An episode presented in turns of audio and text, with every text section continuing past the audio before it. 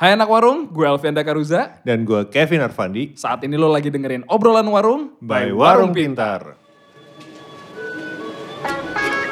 Assalamualaikum Kopi, kopi.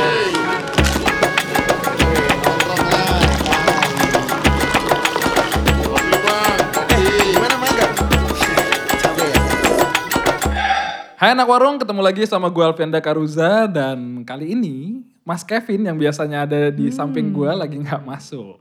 Jadi ada temen nih, tenang aja, nggak sepi-sepi amat. Ada Medisa Putri. Uh, suaranya menggoda sekali. ini fansnya Pak Sofyan nanti nih narasumber kita soalnya banyak nih. Kali ini kita bakal ngobrolin apa nih, Cak? Kita bakal ngobrolin yang berhubungan dengan teknologi. Yoi, ini kan semua orang udah punya HP sekarang kan. Penetrasi Yes. internet tuh juga makin cakep gitu. Iya, betul. Ya otomatis bisnis-bisnis juga udah mulai berubah ke arah teknologi lah ya. Makanya banyak tech startup Iya. gitu-gitu. Nah di episode kali ini kita nggak sendirian nih. Biar nyerocosnya nggak ngalor ngidul gitu ya. Yes. Ada Pak Sofyan. Wih, Wey, Sofyan nama panjangnya siapa Pak Sofyan? kenapa? Nama panjangnya siapa nih Pak? Ya, nama gue uh, Sofyan Hadiwijaya. Hadi Gampang, Wijaya. tinggal search di Google aja. Eh, Sadis. Alhamdulillahnya narasumbernya lumayan narsis kan. Iya, nickname gue S O F I N H W. Eh, oh iya. Sofyan H W. Nggak pakai Y ya, pakai I. Ya, pakai I, makanya gue selalu aja nama gue. Ya, Oke. Oke, oke, oke. Nah, ini ini makin valid nih karena kan Mas Sofyan nih backgroundnya IT nih ya kita dengar-dengar nih ya. Benar. Background gue TI bro. TI ya bukan Iya. IT. Bedanya apa gitu. emang sebenarnya? Iya, TI itu teknik industri. Kuliah di mana Mas? ya, gue kuliah, sempet kuliah di Sempet. Binus ya. Nah, terus? Ya, terus eh, entah kenapa, eh, ya mungkin nasib gue buruk lah ya. Gue gak bisa melanjutkan kuliah gue dengan baik dan benar. Nah tunggu nih, ini nasib buruk ini karena finansial kah? Atau apa emang kenapa tuh? Kenapa lu nggak memutuskan buat selesain? Ya, kalau pengen dikasihin orang ya gue selalu bilangnya finansial ya. Tapi ada hal lain yang apa ya? Karena gue nggak ada duit, terus gue males. Akhirnya gue sering main Dota juga gitu. Jadi masalahnya dua hal sih. Karena gue nggak punya duit dan karena gue males juga. Nah mas sebenarnya ini kan topiknya kita mau ke arah kayak orang Indonesia tuh banyak punya persepsi. Oke. Bahkan dulu gue sempat punya klien dan kliennya itu dari satu provider teknologi besar lah di Indonesia gitu. Dia ngerasa emang infrastruktur teknologi di Indonesia bahkan sampai pengajarannya pas segala macam tuh udah lumayan telat lah. Telatnya tuh ya either 5 tahun sampai 10 tahun gitu. Ya, eh, kalau ngomongin kita ketinggalan, ya udah pasti sih. Tapi kalau gua ngelihat makin ke sini gapnya tuh semakin tipis lah. Hmm. Eh, kalau dulu mungkin kita ketinggalannya lebih dari 20 tahun. Hmm, Eh, kalau sekarang itu eh, be- untuk beberapa hal malah kita dikit sih. Kayak Oh, gitu. bedanya paling lima tahun. Itu ngomongin industri ya. Tapi kalau ngomongin akademik, Hmm. nah industri dan akademik itu ini yang bedanya bisa 5 sampai 10 tahun sih. Oh. Ya, jadi kalau tadi dihitung-hitung ya, Hmm. jauhnya kita sama dunia luar tuh lumayan sih. Oh, tapi yang paling parah sebenarnya akademiknya itu sendiri. Ya, eh, hmm, ngomonginnya gimana enaknya ya? ya sebenarnya eh, anak-anaknya mau, eh, cuma kayaknya terkendala di dalam tanda kutip eh, susah buat ngerubah kurikulum. Oke. Nah, sebenarnya ada nggak sih cara nih kalau misalnya lo emang punya spirit, lo udah tahu lah gitu kayak oh kita ketinggalan nih kayaknya nih sama ini kok di sana udah update apa segala macem. Ada nggak sih cara sebenarnya untuk ya udah nge-cultivate diri lo sendiri aja gitu. Hmm, ya, eh, menurut pengalaman gue sih, ya tadi yang dibilang gue kuliahnya teknik industri, eh, tapi sekarang gue banyak berkecimpung di dunia IT. Eh, hal ini bisa terjadi karena sebenarnya gue belajar dengan sendirinya. Hmm. Iya, belajar dengan sendirinya itu bisa eh, bisa banyak lah ya. Eh, either cari temen eh, yang pintar, cari eh, tempat les, atau eh, sekarang udah banyak dunia buat belajar online gitu kayak Udemy eh, dan Oh. lain-lain gitu ya. Jadi ya sebenarnya fasilitas buat otodidak juga udah makin gede gitu ya. Nah pertanyaan gue sebenarnya buat apa masih ada kuliah IT atau TI atau apa? gue tuh nggak tahu loh bedanya IT sama TI. Itu fundamental difference tuh apa sih sebenarnya? Bahasa Indonesia dan bahasa Inggris sih. Ya, Kan- Ya. Nah, tapi kalau di Binus kita tuh teknik industri ada. Teknik Oh. industri sama teknik informatika beda. Oke. oke. Ya, makanya kita nyebut diri kita eh, TI, anak IT nyebut diri mereka IT. IT. Iya. Cuma dibalik doang ya. Iya. Ah, Oke oke. Nah iya jadi kalau misalnya kita udah bisa tuh belajar otodidak, udah lebih advance juga yang ditawarin sama internet apa segala macam, terus ada nggak sih faktor, masih ada nggak sih kayak meritnya untuk kita berkuliah eh, di bidang itu gitu? Ya, untuk orang yang gagal dunia per- perkuliahan, eh, mungkin komentar gue eh, cukup didengarkan.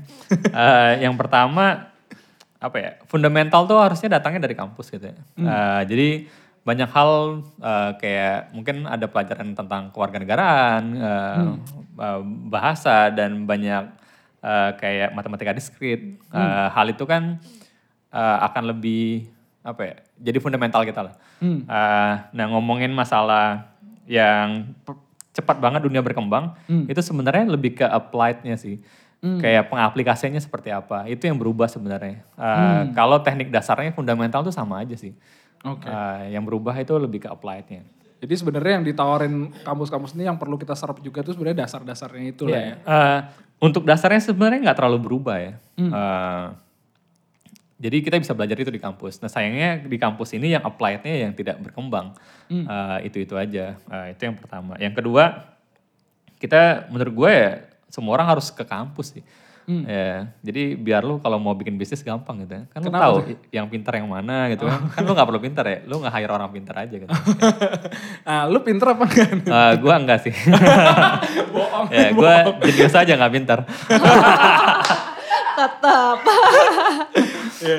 Oke, oke. Kak Dista ada, eh Kak Dista lagi. Caca ada pertanyaan. Eh, mungkin gue pengen nanya dikit sih nih Mas Sofyan. Kalau biasanya tuh kalau menurut lo sebagai eh, udah mahir di bidang IT, biasanya seseorang tuh bisa dibilang kayak high tech atau tech itu tuh berdasarkan apa sih? Hmm, apakah kayak punya gadget, gadget canggih? Iya, apakah dia emang suka main Dota nih kayak lo atau kayak apa segala macam gitu. Itu kayak gimana kalau menurut lo? Ya, kalau eh, mungkin gue tarik ke belakang lagi ya. Jadi ketika pertama kali gue terjun ke dunia tech itu gue terjun ke dunia underground, just uh, hacking lah. Eh, nah di dunia hacking itu kayak lo bakal dianggap seorang hacker ketika lo bisa menciptakan suatu tools. Oh, Ya, oke, jadi iya. kalau lo sekedar pakai terus lo bisa hack sesuatu, kita selalu bilangnya lo script kiddies. Script Ya, apa? Apa script tuh? kiddies. Oke. Eh, kayak lo cukup banget lah gitu lah. Oh, Nah, oke, nah, iya, iya. Makanya di dunia eh, engineering sekarang itu orang-orang yang kita anggap jago, either dia bisa bikin framework, eh, suatu tools yang bisa dipakai engineer lain yang bisa mempermudah kerjaannya lagi. Nah makanya di dunia kita itu orang-orang yang seperti itulah yang dianggap eh, dewanya kita lah. Oh, Menarik. oke. oke. Nah ini kan lu cerita tadi lu dulu awalnya dari hacker dulu lah ya gitu ya. Nah emang perjalanan lu sampai dari yang dulu tukang hack gitu, exploit lah sebenarnya gitu ya. Sampai sekarang lu nge-build.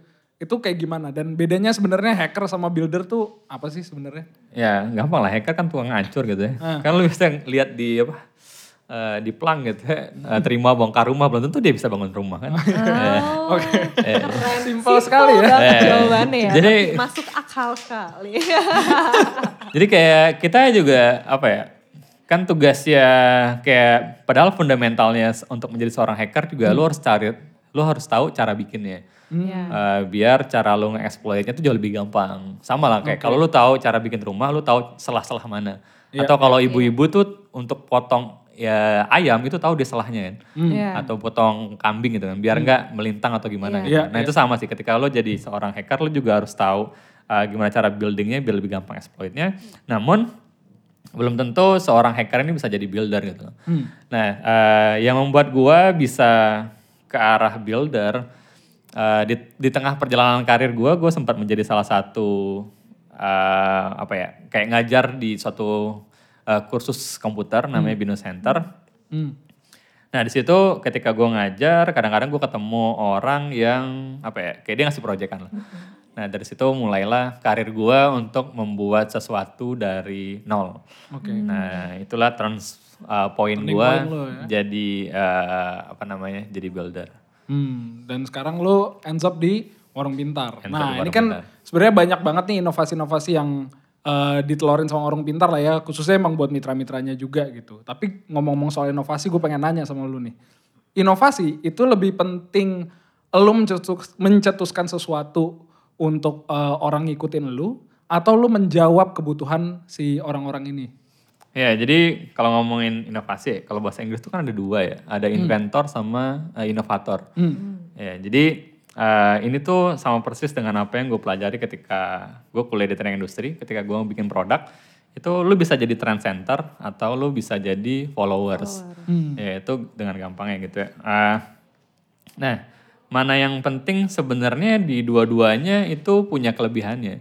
Ketika lo jadi trend center, lo bakal jadi sesuatu yang eh, perta- top of mind lah. Karena lo yang ngeluarin produknya. Tapi lo butuh cost yang lebih tinggi Oh, eh, untuk ngeriset dan segala macam. Tapi ketika lo jadi followers, lo dapat eh, apa ya kemudahan lah. Karena udah ada orang yang ngeriset pasarnya. Nah tinggal gimana caranya lo ngambil hati si eh, consumer tadi yang udah kenal sama si brandnya. Nah just di mana lo dituntut buat nyari tahu unit selling point-nya di mana produk lo. Oke. Atau kalau bahasa Indonesia-nya kan ATM ya. Amati, tiru, modifikasi gitu kan. Iya. Eh, nah, kalau ngomongin inovator dan inventor, eh, ada dua hal.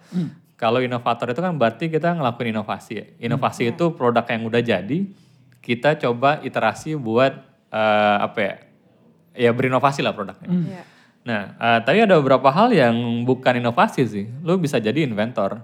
Kayak contohnya eh, Steve Jobs. Dia bilang, oh iya kita keluarin handphone yang cuma satu tombol. Ya kan? Itu kan seorang inventor kan. Iya. Eh, emang dia dengerin semua konsumennya mau apa gitu. Nah, at least yang penting lu punya visi, lu punya kepercayaan, lu pengen develop sesuatu gitu. Itu juga bisa. Eh, makanya di zaman-zaman dahulu kala apa ya lebih banyak sesuatu yang inventor sih sesuatu yang datang dari hayalan nah that's why kalau kita ngelihat uh, uh, Isaac Newton gitu ya selalu diidentikan dengan buah apel jatuh baru dia ketemu yang namanya gaya gravitasi kan. Iya. berarti kan untuk menjadi inventor lu butuh banyak menghayal. Nah ini sih either lu mau jadi inventor atau lu mau jadi inovator. Itu terserah pilihannya mau yang mana. Oke, oke. Nah, gue mau nanya nih, eh, boleh nggak lu kasih kisi-kisi sedikit nih di warung pintar, apalagi updates yang kira-kira lu, pengen eh, cetuskan buat eh, masyarakat lah atau buat warung, eh, buat mitranya sendiri. Ya untuk di warung pintar kita ada dua ya. Kita kalau tadi ngomongin inventor dan inovator, eh, yang inovatornya kalau kita lihat udah ada produk yang namanya POS kan. Ya. Nah, eh, nah kita coba melihat apakah POS ini cocok dengan warung eh, yang suka ada di jalanan gitu. Nah, ketika kita dapat feedback dari user ternyata eh, mereka apa ya mengalami kesulitan lah dengan POS yang terlalu Apa sophisticated. Ya, makanya kita eh, nge-develop eh, ini bukan sesuatu hal yang baru sih. Justru kita balik ke zaman dulu. Eh, yang cuma ada barcode scanner sama tombol.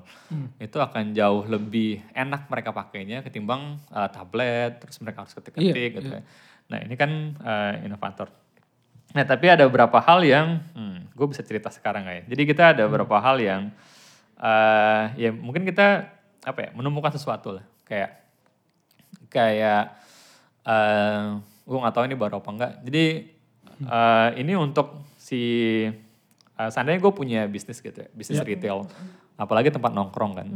Eh, kalau gue harus bayar orang eh, untuk tahu berapa orang itu duduk di suatu kursi itu eh, rib- ribet banget dan mahal kan ya. Nah, eh, jadi di warung pintar kita juga punya teknologi itu sih. Jadi kita bisa ngitung ada berapa banyak orang yang datang ke warungnya, eh, kira-kira demografinya seperti apa, apakah dia cewek, apakah dia cowok, eh, terus berapa lama dia nongkrong di warung. Oke. Ya. Nah ini sebenarnya eh, apa ya? Ini yang menyebabkan warung ini tuh bisa lebih pintar daripada yang punya warung. Oh, menarik, menarik, menarik. Karena insight-nya ini justru bisa nge-crack ya kayak ibaratnya eh, barang apa sih yang cocok buat mereka, Ya. gimana biar mereka lebih sering datang atau lebih stay-nya lebih lama, konsumsinya lebih tinggi gitu ya. Ya, ya. Jadi kalau mereka bereksperimen, mereka bisa ngitung sebenarnya. Oh, dengan gue tambahin kursi yang panjang, orang lebih sering duduk ya. Hmm. Oke. Oh, kalau gue kursinya nggak panjang, orang susah nongkrong, akhirnya eh, turnovernya jauh lebih cepat gitu. Jadi kayak, ya kayak gitu-gitu. Nah, ini kan banyak orang-orang yang udah manja sama teknologinya nih ya. Semakin canggih teknologinya sebenarnya eh, kerja kerasnya dia dalam eh, nambahin kualitas hidupnya itu berkurang lah sebenarnya gitu. Nah, kalau dari lu sendiri perspektif lu, itu pentingan mana? Lu punya spirit buat tumbuhnya gede tapi tek- teknologinya payah atau teknologinya canggih banget tapi spirit spiritnya nggak nggak gede-gede amat. Ya, oh ini menarik banget ya. eh, sebenarnya banyak teknologi hadir itu karena banyak masalah sih. Iya. Jadi setelah itu ntar muncul eh, masalah baru. Iya, harusnya makanya itu yang menyebabkan teknologi itu evolving lah. Yap. Eh, kalau kita ngomongin teknologi sebenarnya bukan digital doang ya. Kayak roda kan itu teknologi gitu. ya. Nah jadi mana yang penting ya gue balik lagi yang penting itu spirit eh, buat berkembangnya sih. Ya jadi eh, apa ya ya emang yang harus ditekankan tuh ke manusianya sih bukan ke teknologinya gitu ya. Eh, kayak gue sekarang banyak sebenarnya teknologi yang akhirnya gue pakai buat ngeefisiensiin kerjaan gue. Akhirnya gue bisa ngelakuin banyak hal dalam satu waktu. Oh, Oke, oke. Jadi sebenarnya ya teknologi itu tools sebenarnya ya. Kayak lu mau ngegarap sawah, ya teknologi itu paculnya sebenarnya. Ya, kan. ya. Tapi lu mau apa enggak apa enggak ngegarap sawahnya sebenarnya Ya, gitu ya. ya, ya, ah, ya. menarik menarik nih. Gue kali ya. Boleh. Gue ya penasaran nih pengen nanya. Palingan ini sih eh, Mas Sofian kayak eh, selama ini kan lo tuh memang dari muda itu kan suka banget main Dota. Sampai akhirnya sekarang lo memang di industri IT gitu. Which is itu sebenarnya kelihatannya emang passion lo mungkin emang di dunia IT gitu kan. Cuma memang ada masanya di mana tadi lo di teknis teknis indus teknis industri lo nggak lulus gitu kan. Gimana sih caranya lo tuh kayak bisa eh, passion lo main Dota nih di bidang game, terus sampai akhirnya sekarang lo emang kerja di dunia yang lo sukain gitu. Gimana cara lo tuh kayak eh, tetap mempertahankan spirit lo itu gitu. Itu kayak gimana sih kira-kira buat para pemuda di luar sana nih supaya terinspirasi dari lo gitu. Care banget nih, Sadis, sadis, sadis. Caca. tuh. Ya kalau dibilang kayak eh, apa ya hal ini tuh udah datang dari waktu gue kecil sih. Mungkin orang tua gue bisa cenayang bahwa gue gedenya mau jadi apa gitu. Oke. Ya, jadi dari kecil dari TK gue main Nintendo kan. Jadi kayak Oh. emang gue punya spirit buat bikin game dulu eh, dari kecil. Kayak Menarik banget. eh, tapi ya gue nggak bisa masuk. Eh, dulu gue apply ke ITB sebenarnya. Terus gue ya gue nggak bisa masuk lah. ya. Mungkin Ini nanti Fate piano ini ya yang drama. ya apa ya ya mungkin ITB nggak cocok lah buat gue ya itu cuma buat cocok buat orang-orang yang pintar tapi belum tentu jadi orang lah Eh, tepuk tangan dulu dong, tepuk tangan dulu. mereka nggak bangga kok jadi anak ITB d- ya jadi eh, emang itu dari kecil tapi apa ya gue tuh nggak sebenarnya nggak fokus di dunia eh, apa ya, industri tech juga sih Eh, makanya gue kerja di teknik industri itu karena gue pengen jadi mandornya orang-orang teknik gitu kan. ya, jadi teknik industri kan manajemen eh, industri sebenarnya. Ya, jadi eh, tapi entah kenapa di pertengah jalan aja gue dibalikin lagi ke hobi gue yang ngoprek komputer dan segala Iya, macam gitu. Jadi kayak hobi gue sebenarnya ngoprek sih, nggak terbatas itu eh, digital Iya, eh, maupun kayak kadang-kadang gue ngoprek motor, ngoprek eh, ya apa aja lah yang bisa Iya, dioprek iya, lah. iya, iya. Ya, jadi em, dan meng- mengapa gue stay relevan dengan Hmm. dunia ini eh, apa ya? Gue nggak muluk-muluk sih. Ya, Hmm. nggak muluk-muluk kayak oh gue harus jadi pengusaha besar, oh gue Iya, harus jadi iya, apa? biasanya Ya, gue gitu. Ya gue lebih seneng kayak gue pengen ngelakuin apa yang gue suka aja sih. Keren. Ya, Hmm. iya. Oke.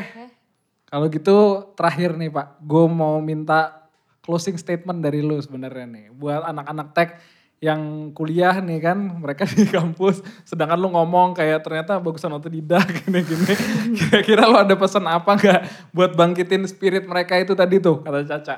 Ya, gue biasanya kalau ngisi seminar ya bro, gue Nah. awalin dengan menanyakan mereka tentang hal-hal fundamental sih. Oke. Ya, terus habis itu gue bilang kayak, "Eh, gue aja yang gak kuliah bisa tahu.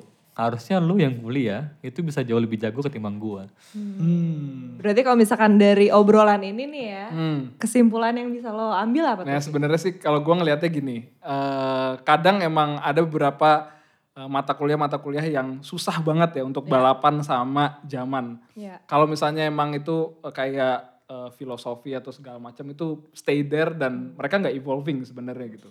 Tapi kalau udah urusannya sama teknologi ya eh, tiap tahun tiap hari pasti ada yang baru gitu.